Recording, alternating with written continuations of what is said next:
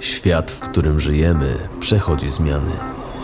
Człowiek odsunął się od natury, żyjąc w coraz większym pędzie. W pogoni za nieuchwytnym, zapominając o skupieniu na tym, co ważne o zdrowiu, witalności, radości z życia. Mam na imię Jim. W tym programie szukam ludzi, którzy przypomną nam o tym, co jest naprawdę ważne. Ludzi, od których możemy nauczyć się zdrowszego i pełniejszego życia, i którzy zainspirują nas do podjęcia niezbędnych ku temu kroków. Zapraszam na ukłon natury. Dzisiejszy program powstaje we współpracy z marką Yango. Z tej strony Jim, słuchacie podcastu Ukłon Natury, a w dzisiejszym odcinku gościć będę blogerkę, edukatorkę, szkoleniowca z zakresu samopoznania i nauczycielkę jogi nidry Magdalenę Daniłoś. Magda jest jednym z coachów na platformie Hexagon Pro, gdzie oferuje kurs jak uwolnić się od perfekcjonizmu. Na co dzień publikuje też treści, które w naprawdę piękny i przemyślany sposób ilustrują jak i dlaczego warto być dla siebie dobrym i o siebie zadbać. Magda, witam Cię w Ukłonie Natury. Bardzo, bardzo Cię witam. Dziękuję za zaproszenie i witam również wszystkich naszych słuchaczy. Bardzo się cieszę, że mam dziś możliwość Ciebie gościć. Yy, powiem Ci szczerze, że no nie mogłem doczekać się tej rozmowy z Tobą. Yy, przeglądałem treści, które publikujesz na swoim Instagramie i znajduję tam, wiesz co, bardzo dużo mądrości. Yy, mądrości, ale też takiego wglądu w siebie. Mhm. Powiedz mi, Magda, y, czy to jest wynik autorefleksji, czy może bardziej takiej wiedzy nabytej, na przykład z książek? Nie, no to jest, czy znaczy, książki to jest jedna z moich e, słabości życiowych, więc to jakby bokiem od e, rzecz, która, którą kocham, czytam bardzo dużo i czytam szybko, więc to jest e, rzecz, która pomaga mi jakby te książki pochłaniać szybciej niż, niż pewnie standardowo, ale to jest przede wszystkim wynik moich życiowych, wiesz, wzlotów i upadków, a ich było sporo w moim życiu. Mhm. I takie mam poczucie, ja się też często definiuję jako stoiczka, y, że wiesz, stoicy mówią, że przeszkoda jest drogą, nie? I, y, I to jest efekt takiego mm, spojrzenia na te szczególnie upadki, z perspektywy jako na coś, co się pojawiło w moim życiu, po to, żeby coś się mogło zmienić, albo żeby mm, właśnie czegoś jeszcze się o sobie nauczyć, czego pewnie mi się nie nauczyła, e, gdybym e, spoglądała tylko na te przyjemne i fajne momenty. Jasne. Więc e, jest to bezdyskusyjnie mm, efekt przede wszystkim doświadczeń, a książki pomagają to tak naprawdę, wiesz, trochę z dystansu złapać i spojrzeć na to już po, po fakcie, już po emocjach, które mijają e, i, i, gdzieś poukładać sobie e, to, co się, jakby czego się doświadcza o mm, i nadają temu ładne definicje i ramy, tak, i, i pozwalają na to, żeby powiedzieć sobie, aha, okej, okay, to czego doświadczyłam, to jest e, to i to. Więc definitywnie jest to efekt doświadczeniowy. Mm, super.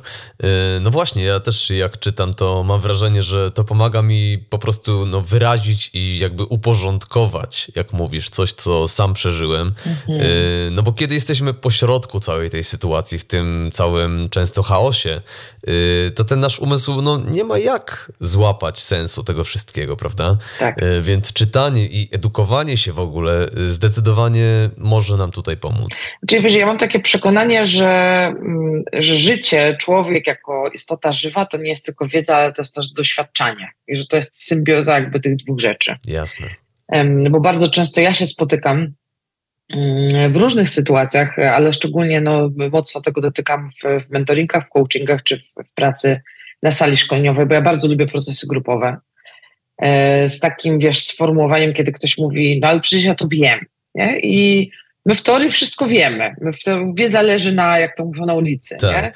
W teorii bardzo dużo rzeczy jakby z poziomu takiego racjonalnego jest dla nas oczywiste, no a w praktyce bywa różnie i myślę sobie, że właśnie między innymi jakby to, że patrzymy na nasze życie trochę jako na no, no, właśnie, na jakąś drogę, tak? I ta droga, wiesz, ja sobie lubię takie, lubię takie, taką metaforę i porównanie, że jeśli idę drogą, to to, co dostałam od życia, nie wiem, od rodziców, y, od, y, nie wiem, potem może nauczycieli na przykład, To jest taka asfaltowa, wiesz, droga, którą sobie idą, ona jest bezpieczna, e, ona jest znana, ona jest wyasfaltowana przez kogoś wcześniej w,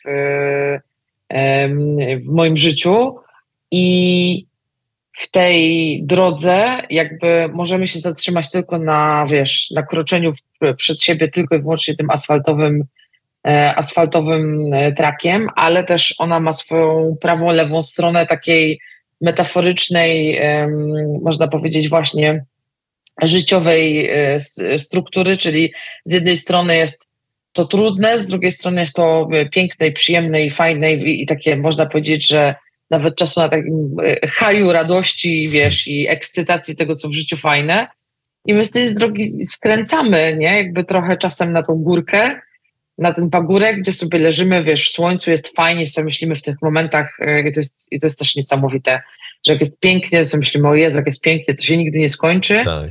E, co jest nieprawdą, to jest bullshitem totalnym, a z drugiej strony czasem skręcamy w drugą stronę, do tego, wiesz, ciemnego lasu, którego się boimy, e, w którym jak jesteśmy, to sobie myślimy, o Boże, to się nigdy nie skończy. Dokładnie. E, w drugą stronę i, e, i jak jesteśmy w tych stanach, to one są niesamowite, bo one są właśnie z jednej strony tak bardzo żywe, że nam się wydaje, że to już nigdy nie będzie inaczej, a z drugiej strony one są potrzebne i te, i te, żebyśmy się mogli o sobie z różnych perspektyw uczyć. I, ja mam takie, wiesz, ja jestem jeszcze, yy, to, to też ciężko jest wyczytać z moich mediów społecznościowych, ale ja jestem magistrem filozofii, więc mam taką tendencję do rozkmin życiowych, wiesz, różnych i Super. ja sobie wielokrotnie zadawałam takie pytanie, czy gdybyśmy byli cały czas na tych, wiesz, takich właśnie wzlotach, na takich e, rewirach przyjemnych, e, miłych, to czy to rzeczywiście byłoby coś, co finalnie powodowałoby, że bylibyśmy spełnieni? I moja odpowiedź na to pytanie brzmi nie, no bo moment, w którym wiesz, jesteśmy cały czas w czymś przyjemnym i nie mamy z czym tego nawet porównać, tak. powoduje, że w pewnym momencie zaczynamy, jakby przestajemy to doceniać, tak? To, jakby, to jest taki moment, w którym zaczynamy się w tym e, często nudzić, gdzieś szukać dziury w całym i finalnie i tak lądujemy w tym lesie, metaforycznie, więc trochę jest, wiesz, tak, że i to jest, i, i to, i to jest nam potrzebne. Ja bardzo lubię symbolikę znaku yin-yang, mhm. która ma w sobie, jak się wiesz, często się na niego patrzy, sobie mówi, no to jest harmonia, nie? Jakby albo z symboliki chińskiej, nie wiem, e, energia żeńska, energia męska, ale genialne w tym symbolu jest to, że w czarnym kolorze jest biała kropka, a w białym kolorze jest czarna kropka. Tak, w jednym jest e, ziarno drugiego. Tak, i to pokazuje, że w tym przyjemnym jest też element nieprzyjemnego, w tym przyjemnym jest element nieprzyjemnego i tak naprawdę to jest życie. I, i to jest chyba moje bardzo mm, i taka moja droga i dlatego też, tak wiesz, rozgadałam się moment o tym, ale to jest moja droga, e, bo mój rozwój tak naprawdę zaczął się od momentu, kiedy E, dotarło do mnie, że prawdziwy rozwój jest wtedy, kiedy zaczynamy się czuć dobrze z tym, że się nie czujemy dobrze. Ciekawe stwierdzenie. No, to nie moje słowa. E, okay. To, to, to absolutnie nie moje słowa, natomiast to są te momenty, w których mówimy sobie, ok, nie wiem, siedzę teraz pod ścianą, płaczę, jest mi źle, ale to jest po coś, i w momencie, kiedy to się dzieje, to jest trudno złapać, nie? Jakby najczęściej jesteśmy tak bardzo przejęci tym, co się dzieje, że to dopiero ta refleksja przychodzi później. Ale to takie zaufanie do tego, że wyszliśmy już wielokrotnie z sytuacji trudnych i, i właśnie, że to jest sinusoida i jest górka i dołek i, e, i jedno i drugie przemija. E, to jest coś, co mi pomogło bardzo. E, chyba najpierw to uzmysłowienie to też przeminie, mhm. dało mi jakby taką siłę do tego, żeby z trudności wychodzić, a później przyszła taka refleksja, okej, okay, i to jest właśnie takie bardzo stoickie, to jest jakaś przeszkoda, która jest moją drogą i, yy, i jakby tak długo, jak będę uciekać albo próbować mówić sobie, ok, nie chcę więcej przeżywać, yy, tak długo będę w pewnym sensie jakimś więźniem czegoś, co mnie, wiesz, trzyma czy goni, y, co tam sobie ktoś woli, wiesz, wyobrazić. A y, ja tak naprawdę potrzebuję mieć takie poczucie, że, że ja nie jestem właśnie, że jedną z moich wartości życiowych jest wolność, że nie jestem więźniem niczego ani nikogo, tylko jakby, że to się dzieje, bo to jest część mnie i ona jest naturalna. Mhm. E, I to jest chyba taki moment też dla mnie, w którym dopiero pozwoliłam sobie na to, żeby przestać słuchać swojego takiego bardzo krytycznego głosu w głowie, który, wiesz, mówił różne nieprzyjemne i niefajne rzeczy w tych trudnych momentach, a zacząć, e, co jest teraz motywem tak naprawdę przewodnim e, mojej pracy zawodowej, e, mówić do siebie w sposób, który jest wspierający, który jest, wiesz, do różnych słów możemy użyć, nie? On jest czasem czuły, kiedyś to słowo wywoływało we mnie ciarki. Znam to. Dzisiaj jest mi bardzo bliskie w sposób, który jest troskliwy. To jest taki głos, wiesz, który często słyszymy od innych ludzi, a, a nie jesteśmy nauczeni dawać tego wsparcia nikomu poza jakby komuś innemu, jakby na pewno nie sobie. Tak. I, e, i to jest taka droga właśnie dla mnie mm, docierania do tego punktu zrozumienia po co i jednocześnie cały czas, bo to jest proces. Jakby, mm, e, u mnie jest na pewno to proces e, żywy i głęboko wierzę w to, że on będzie procesem żywym pewnie do końca mojego życia, ale takiego życzliwego spojrzenia na siebie w sytuacjach trudnych i, um, i, i budowania umiejętności dania sobie tego, co ja tak naprawdę całe życie dostaję od innych, ale co dopiero dało mi realne takie poczucie zaopiekowania w momencie, kiedy ja sama sobie potrafiłam to dać. Mhm. Kiedy y, mówisz o tej drodze, wiesz co, od razu miałem przed oczami taki obraz, mm. że idziemy sobie tą drogą życia i te momenty ciemności to są takie dziury, w które my wpadamy, no i dopóki nie postanowimy, że chcemy z tej dziury wyjść, mm-hmm. e, no to będziemy tam po prostu siedzieć. Tak. I wydaje mi się, że e, właśnie jedną z metod, które pozwalają nam, czy pomagają nam wyjść z tej dziury i dalej iść tą drogą, Y, no to jest właśnie to, co robisz, czyli, czyli właśnie ta życzliwość. Tak. I wiesz, y, no ja bardzo mogę się utożsamić też z tym, co właśnie powiedziałaś, bo dla mnie, mm, mnie też po prostu ciężko jest myśleć o sobie, czy mówić do siebie w życzliwy sposób. Mhm. Y, myślę, że no może nie miałem, czy po prostu nie, nie, nie zostałem tego nauczony, jak pewnie większość z nas. Mhm. Natomiast kiedy przeglądałem publikowane przez ciebie treści, no to tam właśnie jest ta zachęta do bycia bycia dla siebie dobrym i mhm. różne metody też, y, by być bliżej siebie. Tak. Y, powiedz mi, Magda, y, jak natknęłaś się na takie życzliwe wobec siebie podejście do życia? Wiesz co, to jest seria pewnie setek, jak nie tysięcy różnych kropek, bo to nie jest jedna rzecz. Natomiast ja myślę sobie, że w toku, no, dla mnie właśnie przełomowym w ogóle było odkrycie myśli stoickiej, bo myśl stoicka ma taki ona ma oczywiście masę różnych odłamów, natomiast w sensie odłamów, y, różnych jakby takich filarów, y, w które stoicy wierzą. Natomiast jednym z głównych filarów stoików jest takie pojęcie dychotomii kontroli. To pojęcie mówi o tym, że my mamy wpływ na pewne rzeczy i na pewne rzeczy nie mamy wpływu. I to, na co my musimy jakby czy znaczy, no, inaczej, na co często chcemy mieć wpływ, o, i, i, co próbujemy kontrolować, mhm. to są inni ludzie bardzo często, albo sytuacje, które się nam przydarzają, tak. nie? Czyli przykładowo, mm, i to jest też taka nasza natura, ktoś coś przykrego nam mówi i my się nie skupiamy na tym, co nam to zrobiło, że ten ktoś nam to powiedział, tylko na tym, dlaczego ta osoba to powiedziała, tak? Jak ona mogła to powiedzieć, e, co jest z nią nie tak, że nam zrobiła coś takiego, nie? I to jest taki absolutnie naturalny, bardzo chyba nam wszystkim ludzkim znany odruch, który stoicy mm, ubrali w takie dwa kręgi. Takie kręgi, e, oni sobie to nawet rysują. Ja nawet na Instagramie mam taką grafikę bardzo mi bliską, e, więc jak ktoś z, nas, ktoś z Was teraz słucha tego, to może ją odnaleźć, która mówi, że ten krok zewnętrzny, na który my próbujemy mieć wpływ, czyli na przykład na czyjeś emocje, czyjeś myśli, czyjeś e, doświadczenia, czyjeś przekonania. To jest krąg, na który tak naprawdę nie mamy wpływu prawie w ogóle, e, bo jasne, że ja mogę, wiesz, e, przyjść do kogoś, kto mnie zranił i powiedzieć mu, słuchaj, ja nawet to robię, tak? E, nie czuję się z tym ok, e, nie podoba mi się to, co zrobiłeś i tak dalej. Natomiast my nigdy nie mamy wpływu na to, czy ta osoba to naprawdę usłyszy i zmieni jakby swoją postawę, nie? Więc to, co my możemy kontrolować i właśnie teraz nawet jak rozkładamy tę sytuację na czynniki pierwsze, to na co ja mam kontrolę? Na to, jak ja zareaguję na tą sytuację, co ja o niej pomyślę, jak ja się z nią poczuję, e, jakie, jaka jest moja ocena tej sytuacji. Więc ja się nie staram, i to chyba było kluczowe, I to był taki pierwszy krok, tak mi się wydaje teraz, jak zadałeś to pytanie, bo ono jest w ogóle fajne. Muszę ci powiedzieć, że nikt mi go nie zadał, ale to jest, yy, yy, który, który to był moment, ale wydaje mi się, że ten właśnie, taki yy, zrozumienia jakby stref, stref wpływu.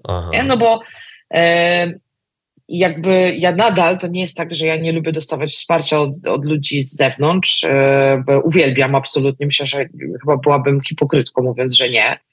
Natomiast yy, ta, ta dystynkcja była taka, że ja przez całe życie czekałam do momentu, aż ci ludzie przyjdą, żeby się poczuć ok ze sobą. Tak. A dzisiaj e, ja myślę sobie, jeśli przyjdą, to to będzie fantastyczne.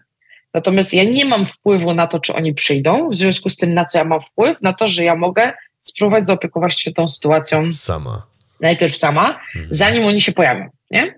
I y, o ile się w ogóle pojawią, bo oczywiście są takie sytuacje, że się nie pojawiają i to jest osobna rzecz, nie?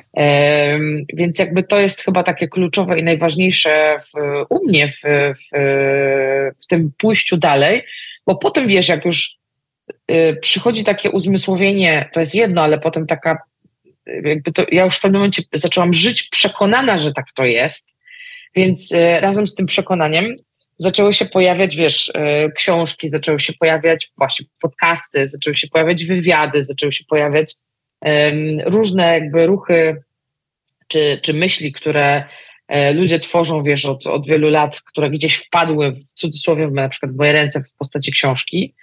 I dla mnie tak naprawdę bardzo ważnym nurtem, razem idącym jakby w parze z, chociaż stoicy żyli tam, wiesz, dwa, dwa i pół tysiąca lat temu, a a nurt uważności, który jest dla mnie bardzo ważny, mindfulness powstał raptem ostatnie 30-40 lat wiesz, historii. Tak. Ale one się mega łączą ze sobą i tak naprawdę dla mnie bardzo właśnie ważnym, jakby drugim takim momentem w moim życiu było odkrycie e, w ogóle jakby bycia uważną na siebie. Nie ma znaczenia, w jaki nurt spojrzymy. Ja jestem po, po dwóch kursach MBSR i MBSC, czyli to są takie dwa kursy, które zresztą każdy z ulicy może przyjść i zrobić ośmiotygodniowe. Jeden jest oparty o redukcję stresu, drugi o, o właśnie o bycie życzliwym dla siebie. Mhm. I to są kursy, które absolutnie zmieniły moje życie, jakby sposób patrzenia, postrzegania i nawet zmianę systemu operacyjnego e, jakby w stosunku do świata, które finalnie doprowadziły mnie gdzieś właśnie do jakiegoś takiego uzmysłowienia, że takie trzy filary, na których ja chcę opierać to, co robię i jak pracuję też dzisiaj z ludźmi, to jest właśnie bycie uważnym, uważną na siebie e, i jakby równolegle z tą uważnością, bo wiesz, uważność mówi o tym, że my z jednej strony się na chwilę na czymś zatrzymujemy i dajemy sobie taką przestrzeń na to, żeby wybrzmiało to, co w nas jest w danym momencie, ale bez oceny tego, co tam znajdujemy, nie? No bo mhm.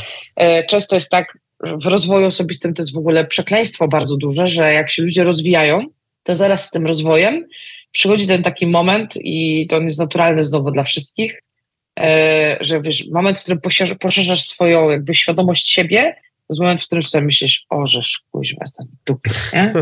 I, tak. I wiesz, dociera do ciebie, to jest to taka ładna świadomość, ile jeszcze nie wiesz, tak. ile jeszcze przed tobą, e, która jest y, fajna na poziomie robienia kroków do przodu, nie fajna na poziomie emocji.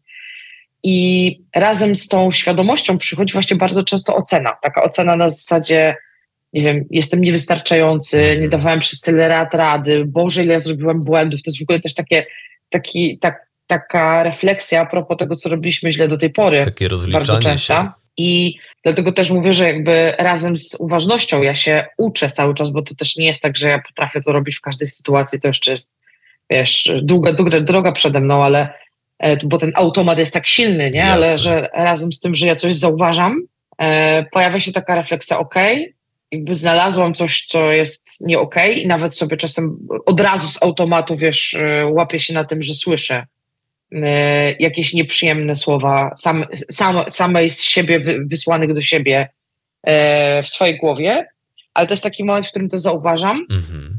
I teraz tym drugim filarem dla mnie jest akceptacja. Nie? Akceptacja, która jest też słowem w języku polskim trudnym, bo y, bardzo często ludzie słysząc słowo akceptuję, słyszą no dobra, to znaczy, że nic z tym nie robię. Nie? No bo tak też polskie słowo akceptacja trochę. Jest jak jest i zostawiam. Dokładnie. A akceptacja dla mnie jest zupełnie czymś innym. Dlatego ja też często zamieniam to słowo na y, frazy przyjmuję, Aha. czyli to jest takie nazwanie, jakby o inaczej, to jest nazwanie rzeczy po imieniu na poziomie faktów, tak jakie one są. I to nie zmienia mm, rzeczy tego, że ja mogę chcieć zmienić. Powiem Ci więcej, w większości przypadków ja chcę zmienić, ale zanim zmienię, to ja najpierw muszę nazwać rzeczy po imieniu, tak? I nazywanie rzeczy po imieniu to jest na przykład powiedzenie sobie, czuję się teraz do dupy, mhm. nie? Albo nie wiem, ta osoba, która teraz coś powiedziała, zrobiła mi krzywdę, albo y, jestem, nie wiem, teraz już hardkorowo pójdę po bandzie, jestem w związku z kimś, z kim się nie czuję dobrze. To jest nazywanie rzeczy po imieniu. To jest nazywanie rzeczy takimi, jakimi są.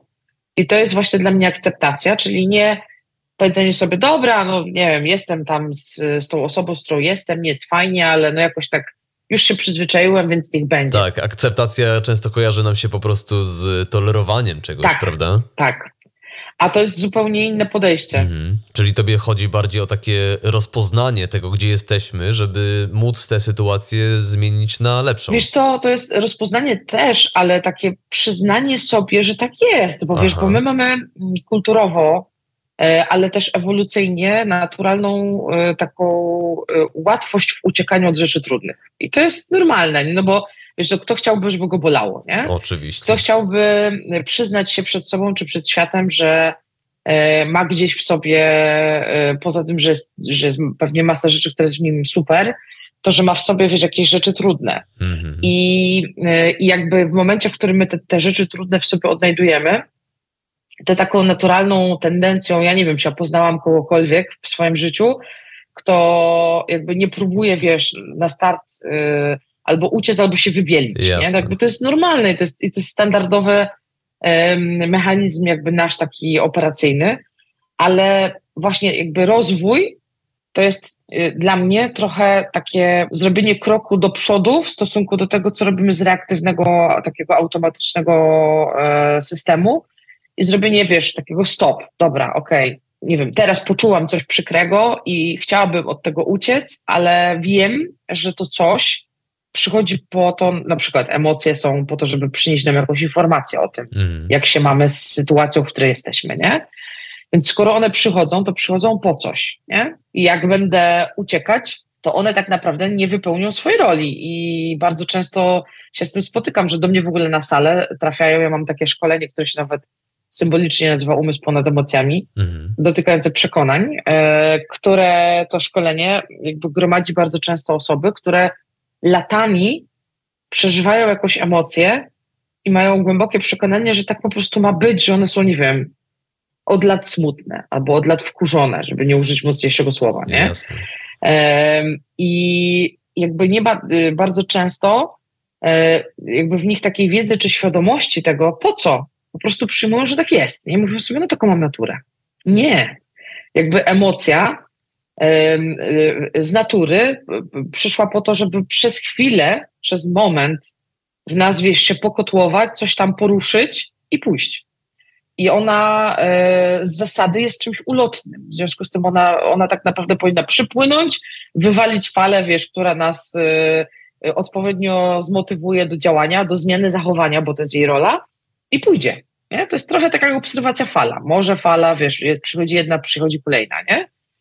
E, jeśli my utykamy jakby w tej fali na dłużej, to znaczy, że jakby ona nie przyniosła swojego efektu, nie spełniła swojej roli, więc akceptacja tak naprawdę, wracając, zamykając to, to znowu to, wiesz, to takie kółko, jest o tym, że żeby móc wyjść z czegoś, żeby móc to zmienić, to ja najpierw muszę powiedzieć, dobra, utknąłem, utknęłam nie? W ogóle sobie to powiedzieć, e, jakby nazwać to i to jest z jednej strony zauważenie, ale z drugiej mhm. strony przyznanie się, że jestem w tym miejscu przed sobą. To jest trochę, tak. wiesz, e, ja to ja lubię porównania, to jest trochę takie porównanie, jak rodzic złapie dziecko na, wiesz, na tym, że zrobiło e, coś, nie wiem, na przykład oszukało rodzica, nie wiem, albo obiecało coś i nie spełniło tej obietnicy.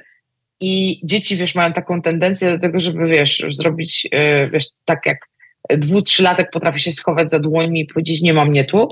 to wiesz, to dziecko ma taką naturalną, e, uroczą umiejętność powiedzenia sobie, nie, no ale przecież y, y, ja to zrobiłem, nie? Albo ja tego nie zrobiłem. Tak. A jakby my, potrafiąc ocenić tą sytuację z trochę większej perspektywy, wiemy, że to jest nieprawda, ale do momentu, kiedy ono nie przyzna samo przed sobą, że, że nie wiem, właśnie kłamie teraz, albo, albo że gdzieś E, próbuje zmienić tą, tą rzeczywistość na poziomie faktów, to tak długo nie będzie w nim też refleksji, e, takiej wiesz, długofalowej, e, która spowoduje, że będzie wiedziało, jak to zachowanie w przyszłości zmienić, tak, żeby było ono dobre dla niego.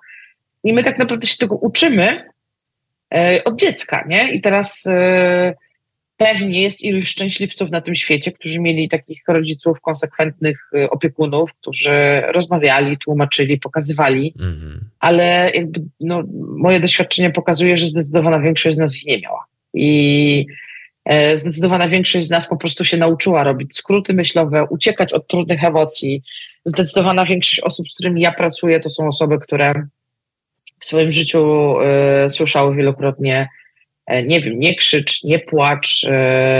To są też takie komunikaty od dorosłych z poziomu troski, bo ja to wierzę, że z poziomu troski, ale jednak mm, kierowane w stosunku do dzieci, e, wiesz, w takim dyskomforcie. No nie wiem, co zrobić. Mnie nie nauczono E, jak się zachować w stosunku do kogoś, kto płacze, więc najłatwiej jest zminimalizować to, ten dyskomfort obu stron, mówiąc nie płacz. Nie? Jasne, i my przekazujemy wtedy to dalej, no bo tak. dzieci nie wiedzą, jak poradzić sobie z tą emocją, więc zaprzeczają jej. Tak. E, no później dorastają, zaczynają żyć w tej iluzji, tak. no a emocje gromadzą się dalej w nas, mm-hmm. nie wiem, do trzydziestki, kiedy zaczynamy w końcu terapię tak. e, i okazuje się, że jednak coś tam jest od tego wczesnego dzieciństwa. No, wiesz, ja ja jestem e, cztery i za chwilę będzie cztery i pół roku w procesie terapii. Myślę, że będę w nim jeszcze długo. Nie dlatego, że wiesz, że mam takie poczucie, że nie jestem w stanie e, funkcjonować bez terapii, ale dlatego, że terapia jest absolutnie moim self-care. Mhm. E, takim sposobem na to, żeby być w kontakcie ze sobą,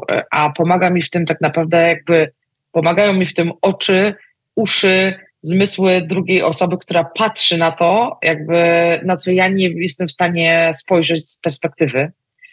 I dla mnie terapia była właśnie takim procesem, jest cały czas procesem, który pozwala mi dotrzeć do tego właśnie um, takiego zdania, które słyszałam od wielu, wielu lat i kompletnie mnie denerwowało i, i, i wkurzało, że źródło wszystkiego tak naprawdę, co w dorosłości, czego doświadczamy, co przeżywamy, jest tak naprawdę w pierwszych siedmiu latach naszego życia, a szczególnie w pierwszych trzech. E, I nigdy nie umiałam zrozumieć na poziomie takim, bo ja lubię rozumieć na poziomie racjonalnym. Jasne. Nie? Dlaczego?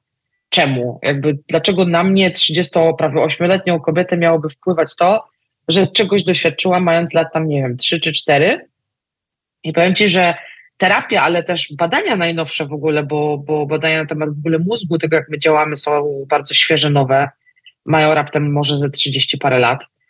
E, pokazały mi, że e, nauka po prostu bardzo łatwo wyjaśnia, że e, my i nasz mózg rozwija się do 25 roku życia, ale szczególnie mocno rozwija się w pierwszych latach i tak naprawdę fale mózgowe, w jakich dziecko, małe dziecko operuje do siódmego roku życia, to są takie fale, można powiedzieć, podświadome fale, takie wiesz, gąbki, która po prostu chłonie, chłonie, z, z, mhm.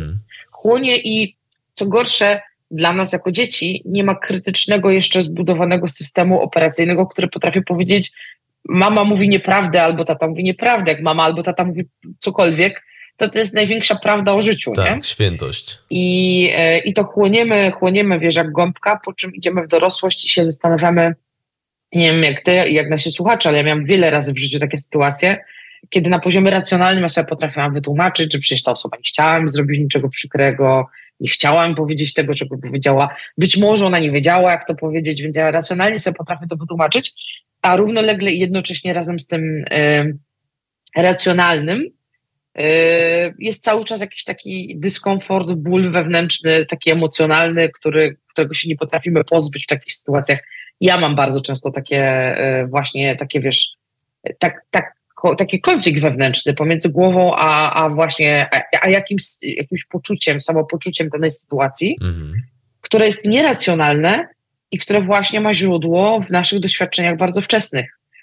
Mm, więc dzisiaj w psychologii się gdzieś tam dużo dotyka właśnie pracy z wewnętrznym dzieckiem, e, z, z, z, czy wraca właśnie i bardzo też dużo ludzi na mojej drodze śmiało już mówił o tym, że w psychoterapii jest e, i że, że psychoterapia im bardzo pomaga być w kontakcie ze sobą, więc jakby dla mnie e, to jest też taki proces, który pozwala być cały czas w kontakcie ze sobą i tym samym też ułatwia mi właśnie to przyjmowanie i nazywanie rzeczy, które są trudne do, do przyznania się przed sobą i przed światem często, nie? Że, że mamy w sobie jakąś nieidealną część siebie. Tak która, e, ja wierzę w to głęboko, jestem o tym przekonana, że jest e, nieidealną częścią w każdym z nas i każdy z nas coś innego w sobie ma. No i w tym tak naprawdę wszystkim jest e, jakby taki trzeci, trzeci filar, który pojawił się na samym końcu,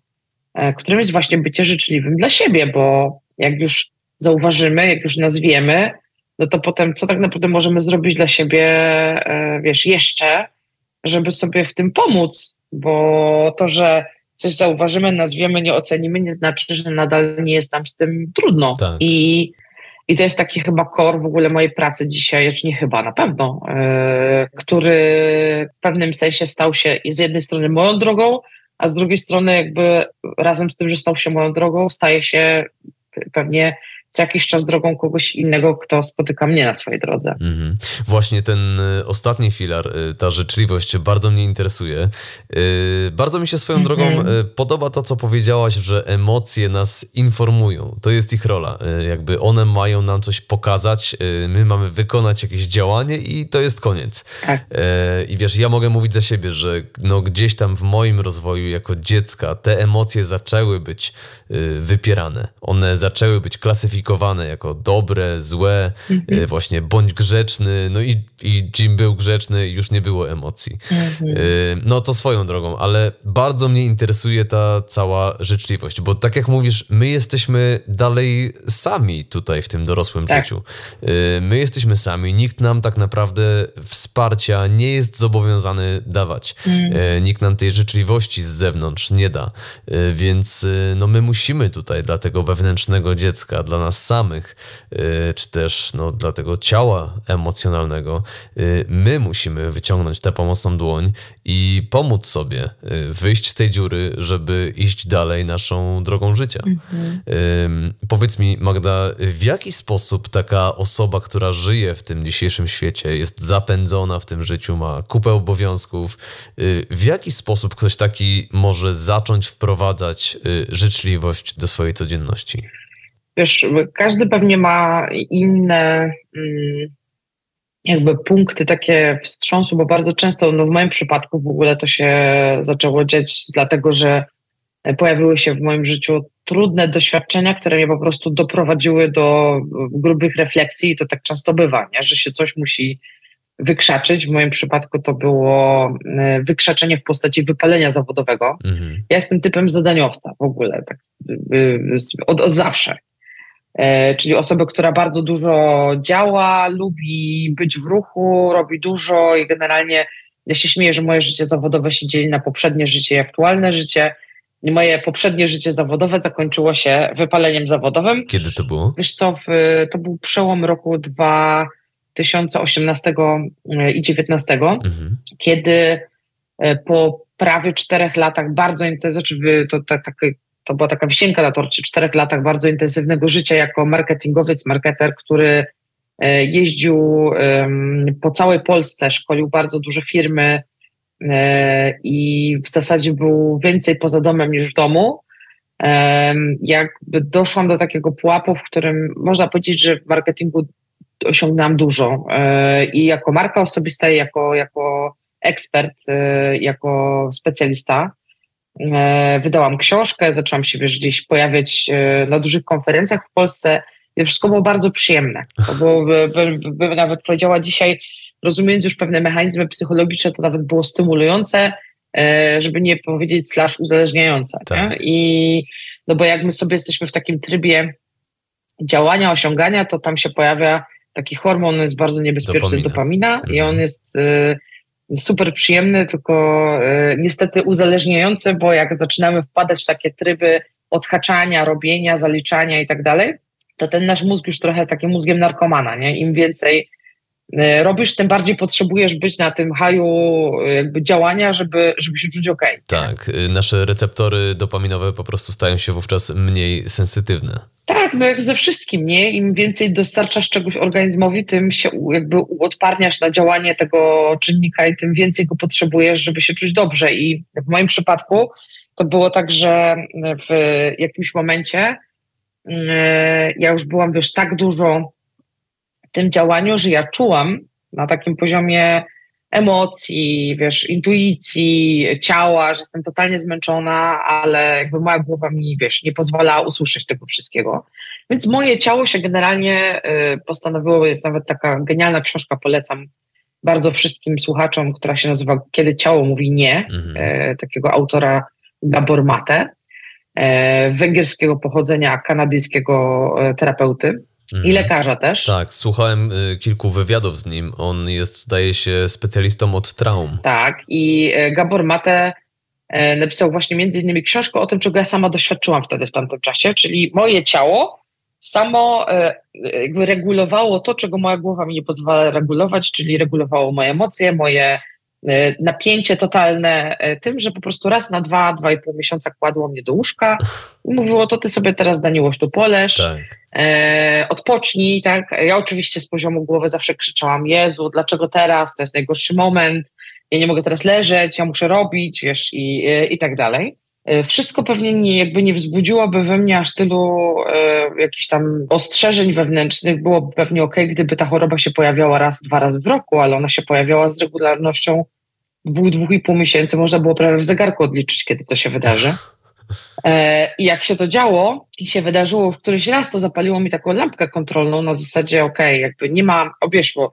To też jest inaczej, kiedy jesteś w środowisku osób, które właśnie przebywają jakąś infekcję, zarażasz się i wiesz, że się zaraziłeś. Ja Jasne. A nie zarażałam e, nikogo sama swoją infekcją, B bardzo często nikt nie zarażał wcześniej e, w moim otoczeniu, więc E, ewidentnie e, dawało to mi do myślenia w kontekście sygnałów pod tytułem zbyt często i jakoś tak magicznie te choroby przychodzą, żeby one mogły być tylko i wyłącznie z powodu wirusa. E, I w pewnym momencie dotarło do mnie, że to jest jedyny sposób mojego organizmu na to, żeby zrobić coś, czego moja głowa mu nie pozwala. Czyli... Żeby zwolniła po prostu. Tak, tak, odpuścić po prostu dzięki temu ja byłam w stanie przez te 3,5 roku funkcjonować jakoś, e, bo, bo te choroby po prostu dawały mi urlop i wolne na, na jakiś czas. E, natomiast to jest jakby teraz tak trochę pół żartem, pół serio, no bo to nie jest sposób na funkcjonowanie i mhm. trochę mi to zajęło. Wydaje mi się, że prawie rok od momentu tego uzmysłowienia, co się dzieje, do momentu, kiedy e, doszłam do, dotarłam do tego takiego ostatecznego, e, że tak powiem, uzmysłowienia, że jest to wypalenie zawodowe. E, a jeszcze kolejny rok, prawie półtora, żeby móc w ogóle przebudować całe moje życie zawodowe, jakby wiesz, pozbierać się przede wszystkim, bo wypalenie zawodowe jest hardkorowym doświadczeniem. Więc e, jakby to jest coś, co było takim wake-up callem, takim samo od życia po prostu przyszło. Mhm. I dla mnie na poziomie racjonalnym pojawiło się na tyle dużo argumentów, kiedy ja zaczęłam czytać e, o tym, co moje ciało zrobiło, e, jak w ogóle przebiega wypalenie zawodowe, jak działa mój układ nerwowy, to było też dla mnie w ogóle i do dnia dzisiejszego jest coś, co totalnie mnie fascynuje. Ja czytam w tej chwili bardzo dużo książek o psychosomatyce.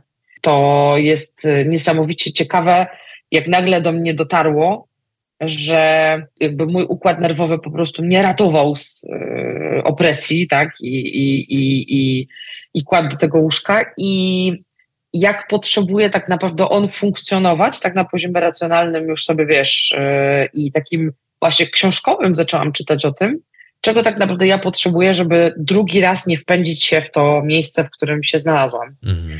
E, I bycie życzliwym dla siebie jest e, jakby takim dla mnie to jest filozofia, w której się łączy bardzo dużo rzeczy, bo to jest z jednej strony umiejętność mówienia do siebie w sposób e, troskliwy i taki właśnie bycia, wiesz, można byłoby powiedzieć na skróty, niektórzy mówią, że to jest filozofia odpieprzenia się od siebie, nie? okay. to jest taka filozofia, która mówi że jakby mam prawo, tak samo jak być w tych trybach e, zadaniowych, tak samo mam prawo odpoczywać, mam prawo mieć gorszy dzień i w tym gorszym dniu e, fajnie jest, żeby umieć sobie powiedzieć, ok, jakby wiesz, to jest ok, że dzisiaj nie, wiesz, dla zadaniowca to jest turbo trudne. Powiedzieć sobie, to jest ok, że sobie dzisiaj jeden dzień możesz odpocząć, poleżeć, nie wiem, pooglądać fajny film, poczytać książkę niekoniecznie rozwojową, tylko o dupie marynie, wypić sobie uważną herbatkę, pójść na spacer i to jest ci potrzebne i ja jakby to, to było chyba kluczowe u mnie, że to jest profilaktyka tak naprawdę, bo, bo wiesz, jesteśmy, rozmawiamy na, na, na podcaście, który dotyka zdrowia, że tak naprawdę my się bardzo często skupiamy na, obja- na jakby leczeniu objawów, na, na już unikaniu jakby Y, nieprzyjemnych konsekwencji. I w moim przypadku od tego się zaczęło, że ja musiałam pozamiatać konsekwencje swoich decyzji. Ale że jeżeli my spojrzymy tak naprawdę na, na swoje życie z perspektywy e, małych kroków, które możemy wdrożyć, jakby wiesz, w, w tym życiu, e, które, które w, wcielimy w życie jakby świadomie, to ta sytuacja się nie ma prawa drugi raz wydarzyć, bo jeżeli my o siebie dbamy, dbamy w takim sensie właśnie bycia ok dla siebie i, i, bycia dobrym dla siebie w rozumieniu powiedzenia sobie, e, nie ma nic absolutnie złego w tym, że raz na jakiś czas robię sobie czas dla siebie, czy, czy, czy właśnie, czy po prostu robię sobie wolne. Że to jest absolutnie potrzebne, żeby się wyspać, że to jest absolutnie, wiesz, a ja byłam w tych trybach takich, tam wyśpię się po śmierci, sens dla słabych, tych sprawach. Nie? Bardzo mogę się do tego odnieść. No, że jak sobie, wiesz, mówimy o zdrowiu, to że tak naprawdę nasze zdrowie to nie jest tylko nasze zdrowie na poziomie ciała, bo ciało choruje bardzo często wtedy, kiedy jakby nasza psychika, nasze emocje są już tak bardzo, yy, wiesz, prze, przebodźcowane, przeładowane jest nasze ciało tym wszystkim, czego doświadczamy, że ono zaczyna chorować, bo już po prostu nie jest w stanie udźwignąć więcej tego, co dźwiga cały czas, nie? Jasne i że nasze zdrowie to jest tak naprawdę też zdrowie nasze mentalne, więc e, wracając do tego pytania o życzliwość, dla mnie to jest taka samopomoc, to jest trochę e, to jest trochę umiejętność, ja też często mówię, że jestem w ogóle, jakby, że, że to czym się ja zajmuję, to jest po prostu taki self-care, tak, czyli umiejętność zadbania o, o siebie e, w, na milionie różnych płaszczyzn, tak, i takiej mentalnej, i takiej właśnie znalezienia sobie przestrzeni w głowie i, i, w, i w kalendarzu na to, żeby znaleźć czas dla siebie, czas na odpoczynek, czas na, na, na relaks, tak? E, ja teraz już dzisiaj mam e, swoje życie przewróciłam o tyle do góry nogami, że ja planuję najpierw rok, zaczynam planować od urlopów. No. E, I to jest w ogóle genialne, polecam. E, I tych urlopów, uwaga, staram się mieć minimum trzy, nawet cztery w roku, bo, bo to też co pokazały mi badania i książki, które czytam e, niestety w polskim języku. Na przykład jest fantastyczna książka, nie ma jej w polskim języku, nazywa się Rest, e, czyli odpocznij.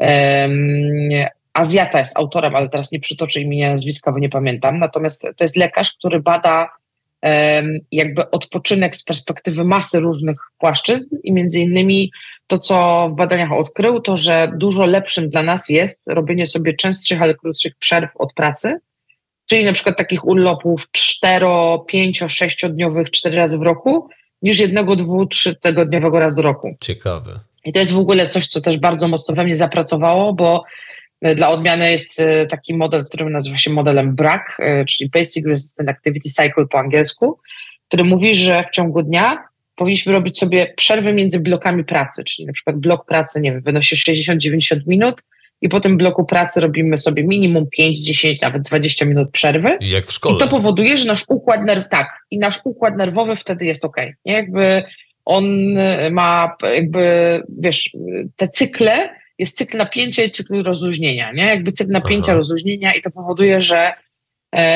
że i nasza głowa, i nasze ciało odpoczywają. I to wcale nie musi być jakaś przerwa z serii jakichś bardzo, wiesz, e, romantycznych e, pomysłów, bo to są przerwy typu wstaję sobie, po prostu robię kroki, chodzę, jeśli siedzę, nie?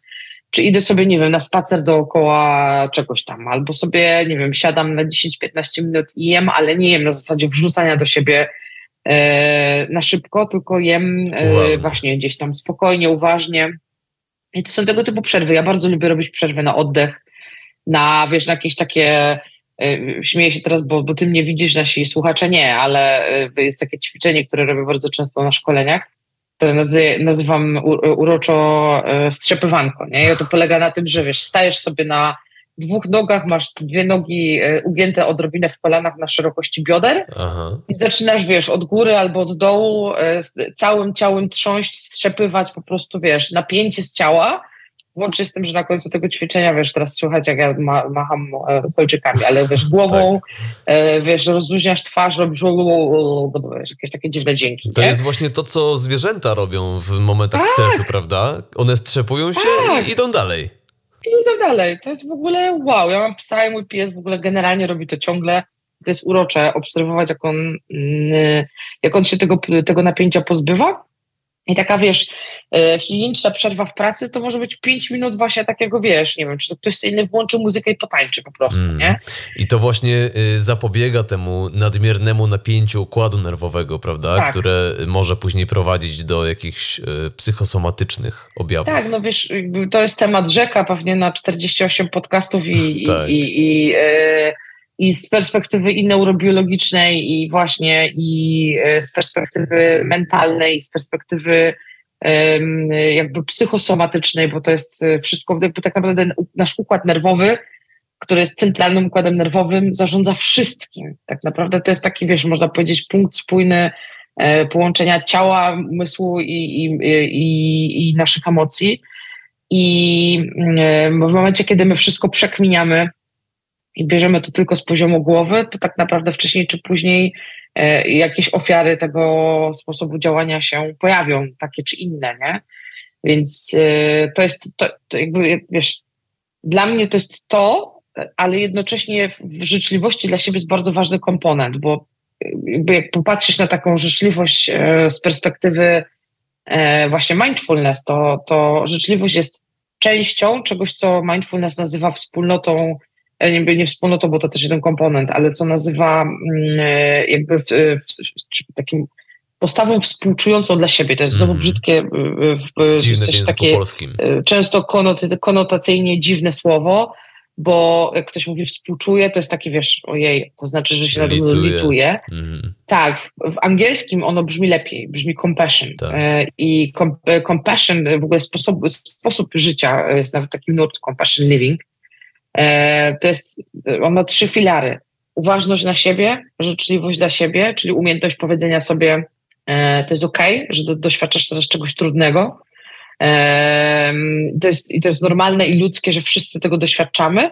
I z tego popatrz, wychodzi trzeci punkt. Wszyscy tego doświadczamy to jest wspólnota doświadczeń. Mhm. Czyli y, trzy rzeczy. Ja zauważam, że coś jest nie okej. Okay. Potrafię powiedzieć, że to jest ok, że jest nie okej okay, i powiedzieć sobie, nie jestem sam z tym, że tego doświadczam tylko wszyscy tego absolutnie doświadczamy. Mm, jest to po prostu e, ludzkie.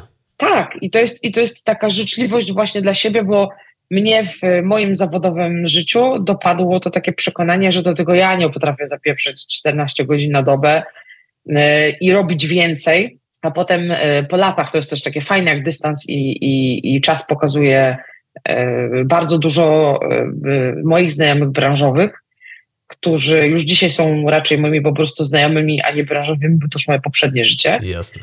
E, właśnie przez ostatnie lata doświadczyło czegoś podobnego do tego, co ja. I różne były objawy, czy to wypalenia zawodowego, czy chorób, które przyszły e, po czasie, różnych chorób, włącznie z nowotworami, e, które dzisiaj też wiemy i o tym Gabor Mate też pisze w swoich książkach, że duża część e, nowotworów dziś to jest nic innego jak brak wyrażania i zgodne wyrażanie pewnych emocji, że tak naprawdę po, po czasie i jakby patrząc na to z lotu ptaka, myślę sobie, że to się wydarzyło po to, żeby się, żeby w moim życiu się jakby pojawiły nowe, zdrowe nawyki, jakby nowe e, nawyki, które mnie wspierają w tym, żeby e, być może konsekwencje tego mojego stylu życia nie były dużo gorsze, dużo bardziej e, trudne mhm. gdzieś za lat kilka, kilkanaście czy kilkadziesiąt, więc e, życzliwość tak naprawdę jest jednym z ważnych bardzo e, jakby istotnych komponentów i, takim, który pozwala powiedzieć sobie, okej, jakby jest jak jest i to jest okej, że jest w tym momencie trudno, E, dla mnie bardzo ważnym było właśnie powiedzenie sobie, nie jestem z tym sama. Mm, super. Y, wiesz co, mam takie poczucie, że mógłbym cię słuchać jeszcze przez wiele godzin, bo to, co mówisz, to są sprawy, no ogólnie ważne, ale też, wiesz co, bardzo istotne y, z takiego mojego osobistego punktu widzenia. I no chyba po prostu potrzebowałem też usłyszeć, czy zdać sobie sprawę z tego, że ja sam dla siebie często nie jestem zbyt życzliwy, czy wymagam od siebie y, na wielu płaszczyznach zbyt wiele. Y, I za to Ci, Magda, bardzo, bardzo serdecznie dziękuję. Dzięki. Y, wiem, że powoli czas nam się kończy i musisz już iść, dlatego pozwól, że przejdę teraz do ostatniego pytania. Mhm.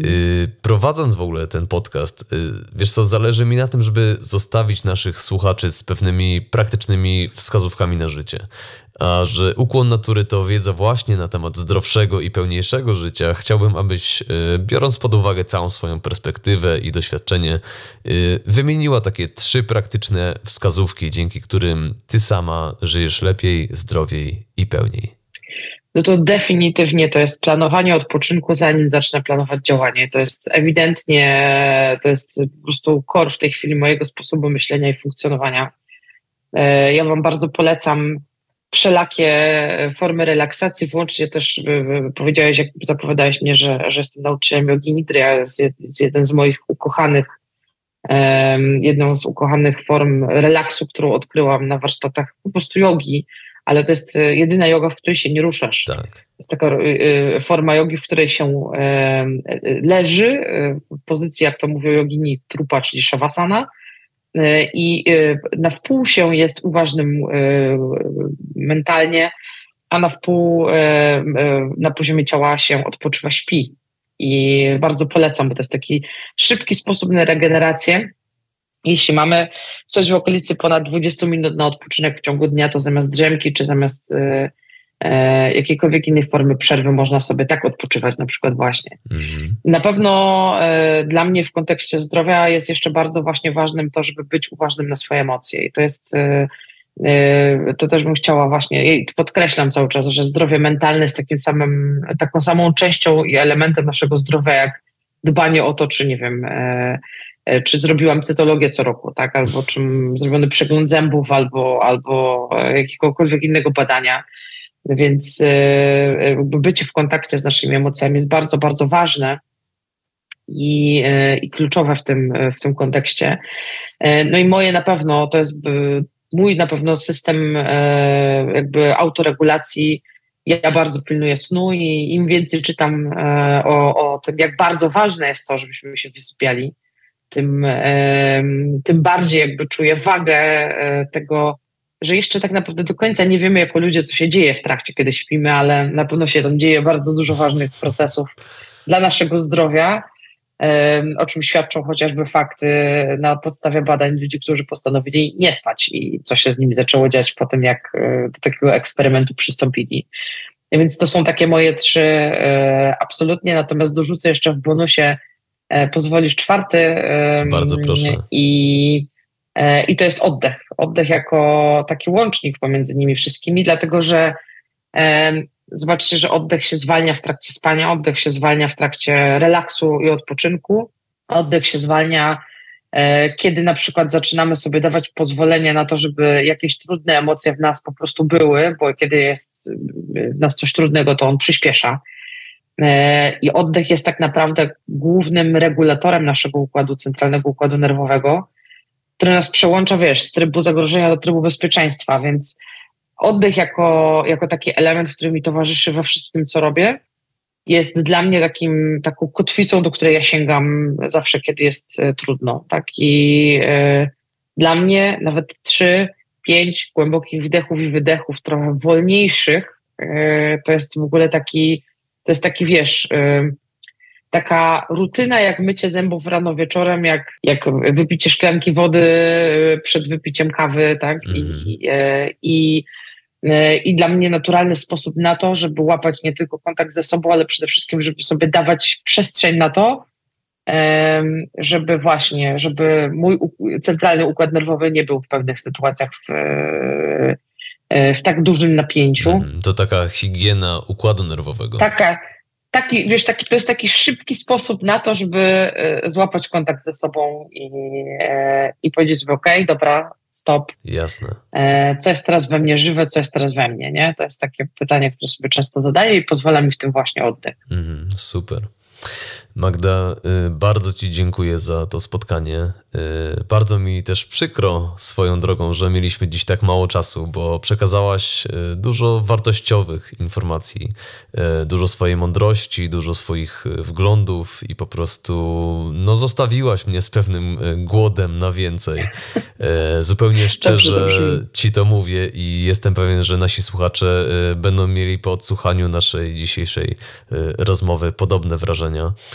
Y, życzę Ci jak najlepiej. Y, bądź dalej dla siebie życzliwa, przekazuj dalej tę mądrość o życzliwości, bo to jest, y, to jest ważne, co robisz. Tak jak wiesz, tak jak ja znalazłem Twojego Instagrama, mówię to tak jakbyś do mnie pisała i wiesz, i, i, jestem pewien, że nie jestem w tym sam. Dziękuję. Więc jeszcze raz dziękuję Ci za to, co robisz i za naszą dzisiejszą rozmowę. No i życzę Ci wszystkiego dobrego. Dziękuję. Dla mnie również to była sama przyjemność e, i dziękuję Ci bardzo za to, że e, taką możliwość e, wszechświat nam stworzył. Mam nadzieję, że damy tą rozmową dużo wartości Twoim słuchaczom. Także dziękuję Ci bardzo jeszcze raz również. Dzięki. A na dzisiaj ode mnie to już wszystko. Y, ja mam na imię Jane, moim gościem była dziś Magdalena Daniłoś. Słuchaliście programu Ukłon Natury, a po więcej informacji zapraszam oczywiście na stronę internetową www.yango.pl. Dzięki. Dzięki.